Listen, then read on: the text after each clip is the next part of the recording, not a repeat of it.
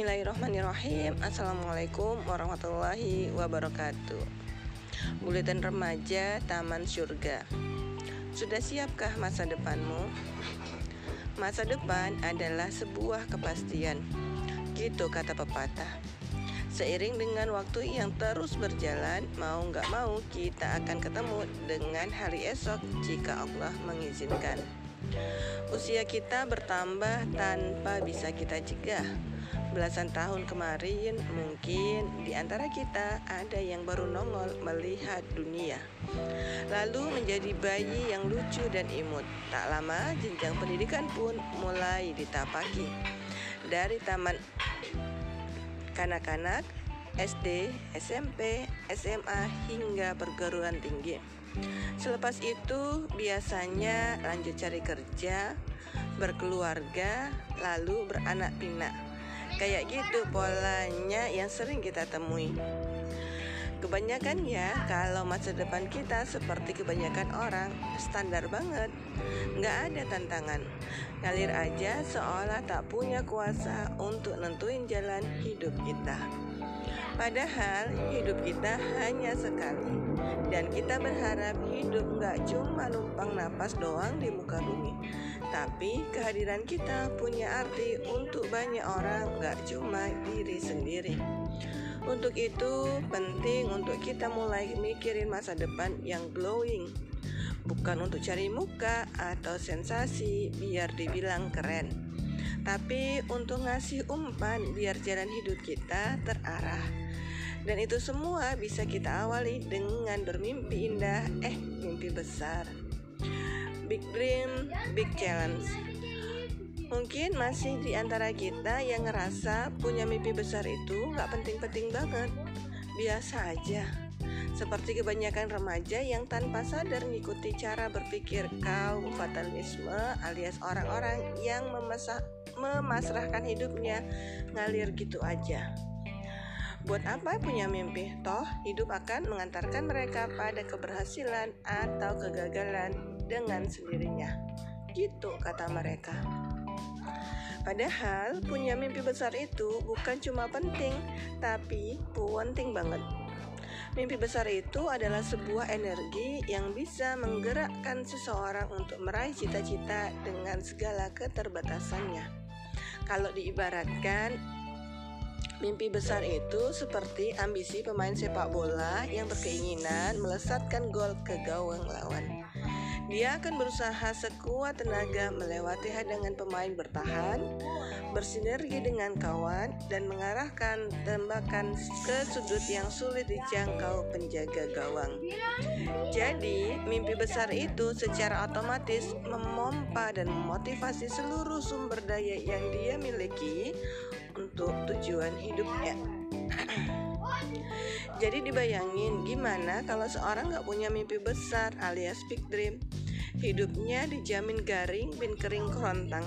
Nggak ada semangat untuk menjadikan diri mereka hebat. Hidup nggak terarah atau nggak punya tujuan mau dimau mau dibawa ke mana endingnya?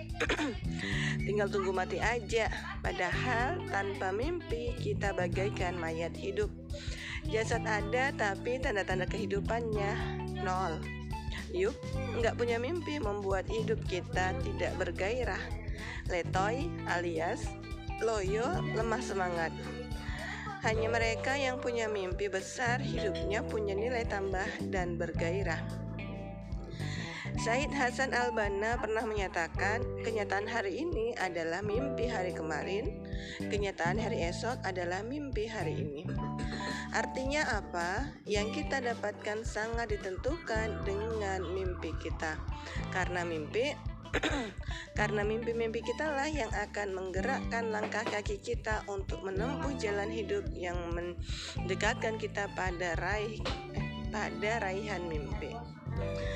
Mimpi kita lah yang menjadi ambisi yang menjadi amunisi untuk membakar semangat kita menjalani hidup karena ada target yang ingin dicapai. Semakin besar mimpi yang kita raih, semakin besar tantangan yang akan kita hadapi. Itu berarti semakin besar peluang untuk menjadikan hidup kita punya arti dan memancing keluarnya potensi diri. Kalau sudah gitu, dijamin gak ada cerita waktu keseharian kita habis dengan kegiatan yang minim manfaat. Sebaliknya, lebih banyak aktivitas produktif untuk mendekatkan diri kita pada pencapaian mimpi. Ajaib. Tentukan mimpi besarmu. Tentukan saja bukan hanya mimpi yang sifatnya materi atau yang hanya berorientasi pada kesenangan duniawi. Sebuah mimpi besar seorang muslim harus tembus sampai akhirat dan berdimensi kemanfaatan bagi orang banyak. Karena mimpi seorang muslim itu harapan sekaligus doa. Makanya mimpi besar kita itu nggak cuma sekedar harapan masa depan, tapi udah kita kemas dalam bingkai kesadaran akan hubungan dengan Allah Subhanahu wa taala. Agar mimpi besar kita mulai sehing agar mimpi besar kita mulia sehingga penting dan kudu binti harus untuk segera terwujud. Boleh saja kita menginginkan sukses harta, tahta, keluarga, dunia, tetapi tetap harus dijaga biar nggak kebablasan. Saat menentukan mimpi besarmu, selalu bertanyalah kepada kedua hal. Apakah keinginanmu itu bertentangan dengan Islam? Dan apakah keinginan itu berdimensi akhirat atau enggak? Pertanyaan itulah yang akan mengendalikan sekaligus mengarahkan ke mana mimpi besar kita akan kita bawa. Sahabat Rasul Shallallahu Alaihi Wasallam seperti Mus'ab bin Umair telah menggadaikan hidupnya untuk menempuh mimpi besar berkontribusi dalam dakwah Islam. Mus'ab adalah simbol cowok ideal, udah kaya, ganteng pula, terus juga cerdas dari keturunan bangsawan. Tetapi bukan itu semua yang mempesona dari seorang Mus'ab. Karena setelah Mus'ab kenal Rasulullah Wasallam dan masuk Islam, Mus'ab meninggalkan semua atribut dunia tadi dan rela dihapuskan namanya dari garis keturunan keluarga konglomerat Umayyah. Sejarah mencatat dengan kecerdasan dan kegigihannya, Mus'ab berhasil mengislamkan pemimpin dua suku besar di Madinah, Aus dan Khosrat serta membawa mereka untuk membela Rasulullah Shallallahu Alaihi Wasallam. Nah, dari sinilah berawal pendirian negara Islam di Madinah. Selain Mus'ab, ada Muhammad Al-Fatih yang mempunyai mimpi besar menaklukkan Konstantinopel. Al-Fatih yang hidup ratusan tahun setelah masa Rasulullah Shallallahu Alaihi Wasallam, tetapi mimpi besarnya terinspirasi dari hadis Rasulullah Shallallahu Alaihi Wasallam tentang penaklukan dua kota, Roma dan Konstantinopel. Guru, guru beliau A.A. Syamsuddin pun selalu mendengungkan tentang hadis itu ke telinga Al-Fatih bahwa dirinya lah sang penakluk itu maka Al-Fatih pun memantaskan diri menjadi sang penakluk mulai dari belajar mengatur strategi, melatih pasukan unggul serta membina nafsiyah atau jiwa beliau dan pasukannya. Hasilnya pada tahun 1453 Masehi, kota Konstantinopel kota Konstantinopel yang saat itu menjadi simbol peradaban Romawi Timur takluk di bawah tangan seorang pemuda berumur 24 tahun. Inspirasi pencapaian mimpi besar juga bisa kita ambil dari kisah Syekh Abdurrahman bin Sudais Imam Masjid Al-Haram Ternyata Ibnu Syekh Abdurrahman Al-Sudais selalu menanamkan dan mengarahkan mimpi besarnya itu kepada anaknya Ibunya sering mengingatkan, "Wahai Abdurrahman, sungguh-sungguhlah menghafal kitabullah. Kamu adalah imam Masjidil Haram." Wahai Abdurrahman, sungguh-sungguhlah kamu adalah imam Masjidil Haram. Wahai Abdurrahman, jangan malas menghafal, kembali hafal harianmu. Bagaimana kamu bisa menjadi imam Masjidil Haram bila kamu malas? Akhirnya Syekh Abdurrahman As-Sudais kini menjadi Imam Masjidil Haram dan menjadi salah satu ulama besar yang disegani di dunia Islam.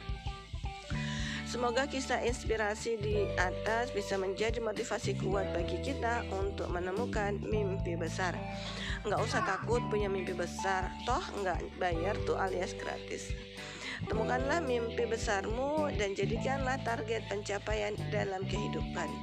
Bayangkan jika mimpi besar tercapai, berapa banyak orang yang akan mendapat manfaatnya, berapa besar peluang kita untuk menjadi mimpi besar itu sebagai ladang pahala. Pantaskan diri meraih mimpi.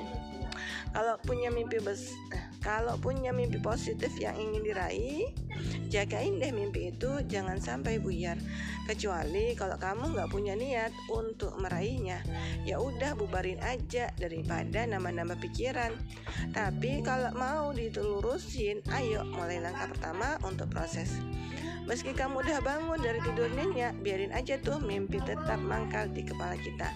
Gak rugi kok. Kita nggak usah minder dengan tingginya mimpi yang pengen kita capai. Biar kata impian itu digantung di lapis langit ketujuh. Jangan risau, yang penting sekarang jangan tunggu situasi dan kondisi berpihak pada kita untuk memulai langkah dalam berproses. Karena kita yang bakal jadi aktor utama dalam perubahan yang terjadi pada diri bukan orang lain. Allah Subhanahu wa taala berfirman, sesungguhnya Allah tidak merubah keadaan suatu kaum sehingga mereka merubah keadaan pada diri mereka sendiri. Tafsir Quran surat Ar-Rod ayat 11. Untuk membantu mewujudkan impian, langkah pertama yang meski kita perhatiin adalah bentuk impian itu sendiri kudu jelas dan spesifik. Kalau perlu, tulis di selembar kertas dan digambarkan sedetail mungkin. Untuk ngingatin kita eh, persis kayak kita mau pergi ke suatu tempat Jakarta misalnya bagus kalau kita punya denahnya lebih rinci lebih bagus.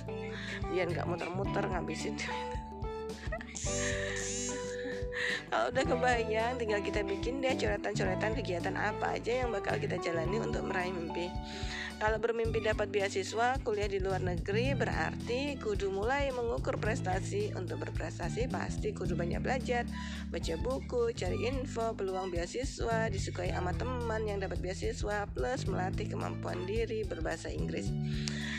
Ini hanya contoh loh. Nah, nanti sesuai dengan aja dengan mimpi-mimpi kamu. Yang penting ingat hubungan sebab akibat.